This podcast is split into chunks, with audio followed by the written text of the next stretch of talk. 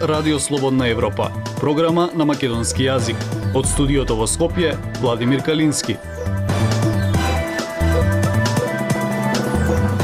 Почитувани ја следите емисијата на Радио Слободна Европа. Функционерите за неколку дена ќе добијат по 1000 евра покачување на плата. Некои пациенти со месеци чекаат термин за специјалистички прегледи, дали безвизниот режим за Косово ќе го омекне српското отфрлање на косовските пасоши, слушајте не. Независни вести и анализи за иднината на Македонија на Радио Слободна Европа и слободнаевропа.мк.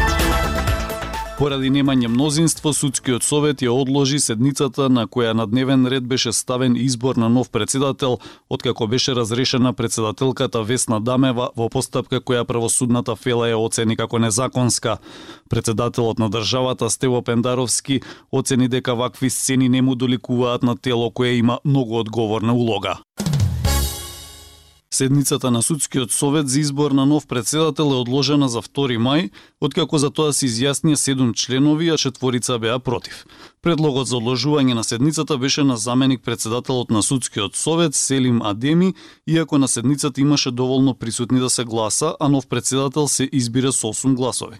Разрешената председателка Весна Дамева го обвини дека со тоа го прекршува деловникот за работа. Морам да бидам искрена, како што сум била секогаш, дека очекував дека ќе имате мнозинство да, да се изгласа во овој момент, но ќе оставиме уште два дена да видиме дали вашето не, незаконско разрешување без проведена било каква постапка понатаму на некој начин ќе се легализира. Рече Дамева. Таа вчера беше разрешена на тензична седница откако подпредседателот Адеми го презеде од неа раководењето на седницата и го стави на гласање на изиното разрешување за кое се изјаснија седум членови. Инаку на оваа седница требаше да се расправа за одговорност на апелацискиот судија Енвер Беджети, за кого беше констатирано дека 9 месеци го чувал предметот за масовно прислушување Таргет тврдина. Веднаш по седницата судската фела и правните експерти реагираа дека разрешувањето било незаконско. Денес денеска председателот на државата Стево Пендаровски соопшти дека вакви сцени не му доликуваат на тело кое има многу одговорна улога со оглед на неговите надлежности во изборот и разрешување на судии и оценување на работата на судиите. Министерството за правда пак побара судскиот совет да го достави на увид записникот од 438-та седница, како и усвоениот дневен ред на седницата. По разрешувањето на Дамева, коалицијата за правично судење која редовно ги наблюдува седниците на судскиот совет, наведе дека во деловникот за работа на судскиот совет не е предвидено процедура за разрешување на председателот, туку дека се предвидени само одредби за дисциплинска постапка и одговорност на членот советот. За да се изрече дисциплинска мерка или разрешување како што укажуваат од коалицијата, треба да има формално образложено барање подкрепено со докази, истото да се достави од кој било член на советот или најмалку 20 судии, наведоа од коалицијата за правично судење. На ваквите случувања загриженост изрази и Државната комисија за спречување на корупцијата, имајќи ја предвид позиционираноста на судскиот совет како највисок орган на судската власт кој треба да се залага за бескомпромисно почитување на принципот на владењето на правото и за обезбедување на независноста на судската власт како трет столб на власта. Предходната седница на судскиот совет почна со низа обвинувања. Подпредседателот Адеми побара Дамева да биде разрешена, бидејќи како што рече таа го криела писмото од американската амбасадорка Анджела Агелер и не им го давала на членовите. Но ова реплицираше Дамева која рече дека била на одмор, а тој како нејзин заменник го примил писмото и требало да го презентира. Слободна Европа. Следете на на Facebook, Twitter и YouTube. Функционерите за неколку дена ќе добиваат повисоки плати. Председателите на државата, на собранието и на владата ќе добијат повисоки плати за околу 70.000 денари. Платите на председателот на Уставниот суд и подпредседателите на собранието ќе бидат повисоки за околу 60.000 денари, а на министрите и пратениците за околу 56.000 денари. Прилог на Пелагија Стојанчова. Функционерите за неколку дена ќе почнат да добиваат плати повисоки по околу 1000 евра, по одлуката на Уставен суд според која платите на функционерите ќе се зголемат за скоро 80%. Платите на функционерите се пресметуваат така што основицата се множи по одреден коефициент во зависност од функцијата. Законот за плати на функционери предвидува основицата да биде просечна плата од предходната година, но со години беше замрзната на пониско ниво. Судот на 21 март одлучи да го укине замрзнувањето, пошто платите значително ќе се зголемат. Невисоки плати од функционерите имаат председателот на државата, на собранието и на владата. Законот предвидува тие да добиват плата во висина на просечна плата од минатата година помножено со коефициентот 4,5. На тоа се додава зголемување од половина процент за секоја година работен стаж. Според таа одлука, председател Стево Пендаровски, председателот на собранието Талат Джафери и премиерот Димитар Ковачевски за неколку дена ќе добијат покачување на плата од околу 70.000 денари. До сега зема околу 90.000, а од сега по околу 160.000 денари.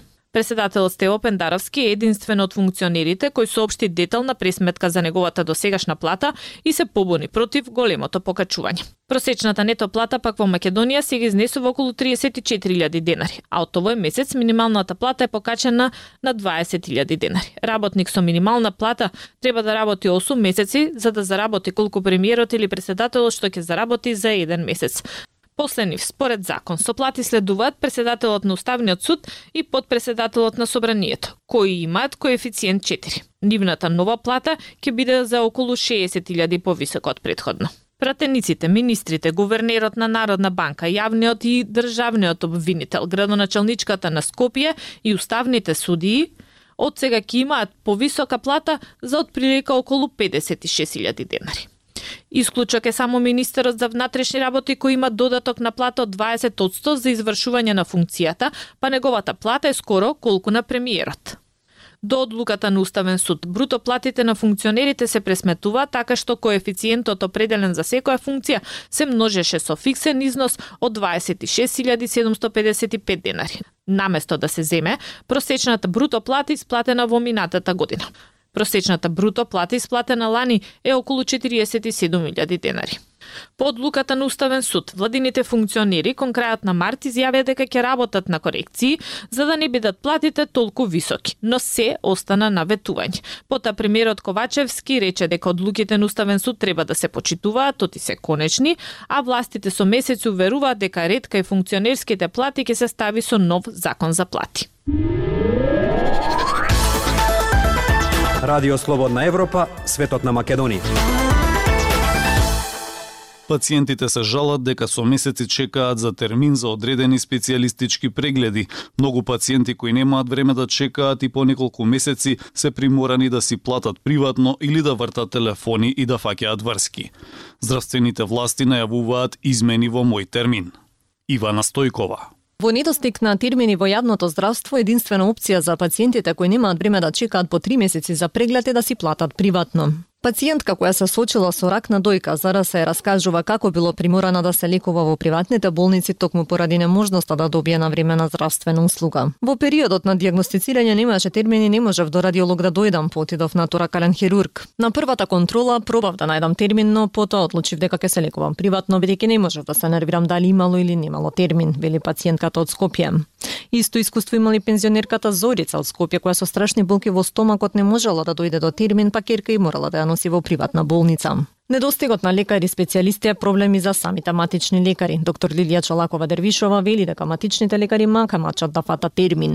Смета дека причина за тоа е одливот на кадар и недостигот од специјалисти во земјава. Секој ден станува се полошо и полошо состојбата заради тоа што бројот на специјалисти во болниците се намалува, значи има еден генерацијски одлив, отидоа во пензија голем број во внатрешноста. Можам да кажам и за велешката додека во Скопје се случува одлив од јавно во приватно, Така да со намалување на бројот на достапни доктори, а, нормално последователно нели логично следи да да има се помалку. Најдолго вели се чека за компјутерска томографија, магнетна ихо на дојки, но и за други специјалистички прегледи. Доктор Чалакова вели дека ваквите состојби пациентите ги чинат и пари и време, бидејќи во недостиг на термини во државното здравство, дел од пациентите мора да си платат приватно. Знаете како ги пуштаат, да речеме, интернистите ќе пуштат или на две недели еднаш термини кои фати фати, ме разбирате. И тоа ако ви е пријател да ви каже кога ќе ги пушта термините. Значи тоа не е систем веќе. Значи мора системот да функционира не на една пријателска база или Како што објаснува и доктор Бојан Трајковски, често пати и самите матични лекари ги користат контактите во обид да обезбедат термин за своите пациенти. ама пак е истата приказна дека е на добра волја на лекарот. И казвам, че ако збориме дека сакаме да помогнеме. Инаку, тоа е легитимно право за лекар да им кажеш, извинете, нема термин, ќе чекаме термин упрвено што ќе се слова. За волја на вистината, во многу чести ситуации се повеќе гледаме и недостаток и во приватните, каде што во многу ситуации пациентите дури чекаат и приватно да мора да се прегледат.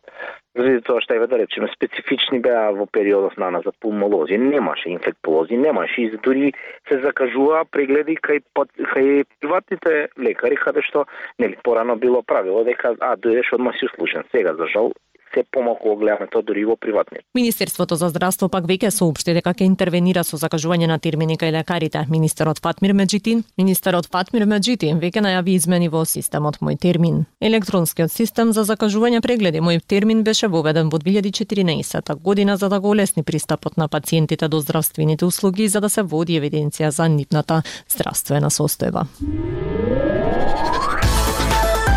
Актуелности свет на Радио Слободна Европа. Европската Унија ќе го почне безвизниот режим за Косово од јануари 2024 година. Со тоа се отвора прашањето дали ќе се омекне српското отфрлање на косовските пасоши, бидејќи визната либерализација не важи за пасоши издадени од Координативната управа на Србија. Емил Златков. Дали српското отфрлање на косовските пасоши ќе омекне сега, кога Европската Унија го либерализира визниот режим? Некои срби во Косово веќе сигнализираат неволно менување на мислењето во однос на косовскиот пасош со можност лесно да ги посетат пријателите и роднините кога Европската Унија ќе го отвори безвизниот режим од јануари 2024 Други сепак инсистираат да се задржи вербата во, како што велат, нашата земја Србија. Фрустрирани од деценискиот статус на аутсайдер за европското единство и интеграција, Косово доби морално засилување минатата недела, кога Европската Унија се согласи да го либерализира нивниот визен режим за граѓаните на Косово кои поседуваат косовски пасоши од јануари 2024 Но не сите 2 милиони жители на поранешната српска покрајина се ентузијасти за оваа вест. Десетици илјади етнички срби, повеќето населени на северот, но и во други места во Косово, не ја признаваат независноста на оваа нова држава или владата во Приштина. Тие го отфрлат незиниот авторитет за прашање кои ги вклучуваат личните карти, регистарските таблички, пасошите и слично. Противниците на ова имаат српски пасош издаден од Српската управа за координација и за нив не важи либерализацијата што ја дава Европската Унија. Некои сепак сигнализираат неволна промена на нивниот став. Ненад, кој не сакаше да го каже своето презиме, реши да се пријави за косовски пасош откако слушнал дека Европската Унија најверојатно конечно ќе ги отвори вратите за граѓаните на оваа земја. Тој сака да патува бидејќи како и многу жители на овој повоен регион, погоден од невработеност на младите и масовна емиграција, тој има многу роднини пријатели во Западна Европа. Не можев да патувам затоа што не сакав да бидам, како да го кажам тоа без да бидам груп, запечатен со тој пасош издаден од Дирекцијата за координација. Вели Ненат. Косово е потенцијален кандидат за пристап во Европската Унија по неговата формална апликација во декември 22-та. Експертите велат дека обидот на Косово зависи од успехот на напорите за нормализирање на односите Белград-Приштина. Зоран Србин од Северна Митровица, кој го даде само своето име, вели дека не го признава косовскиот пасош.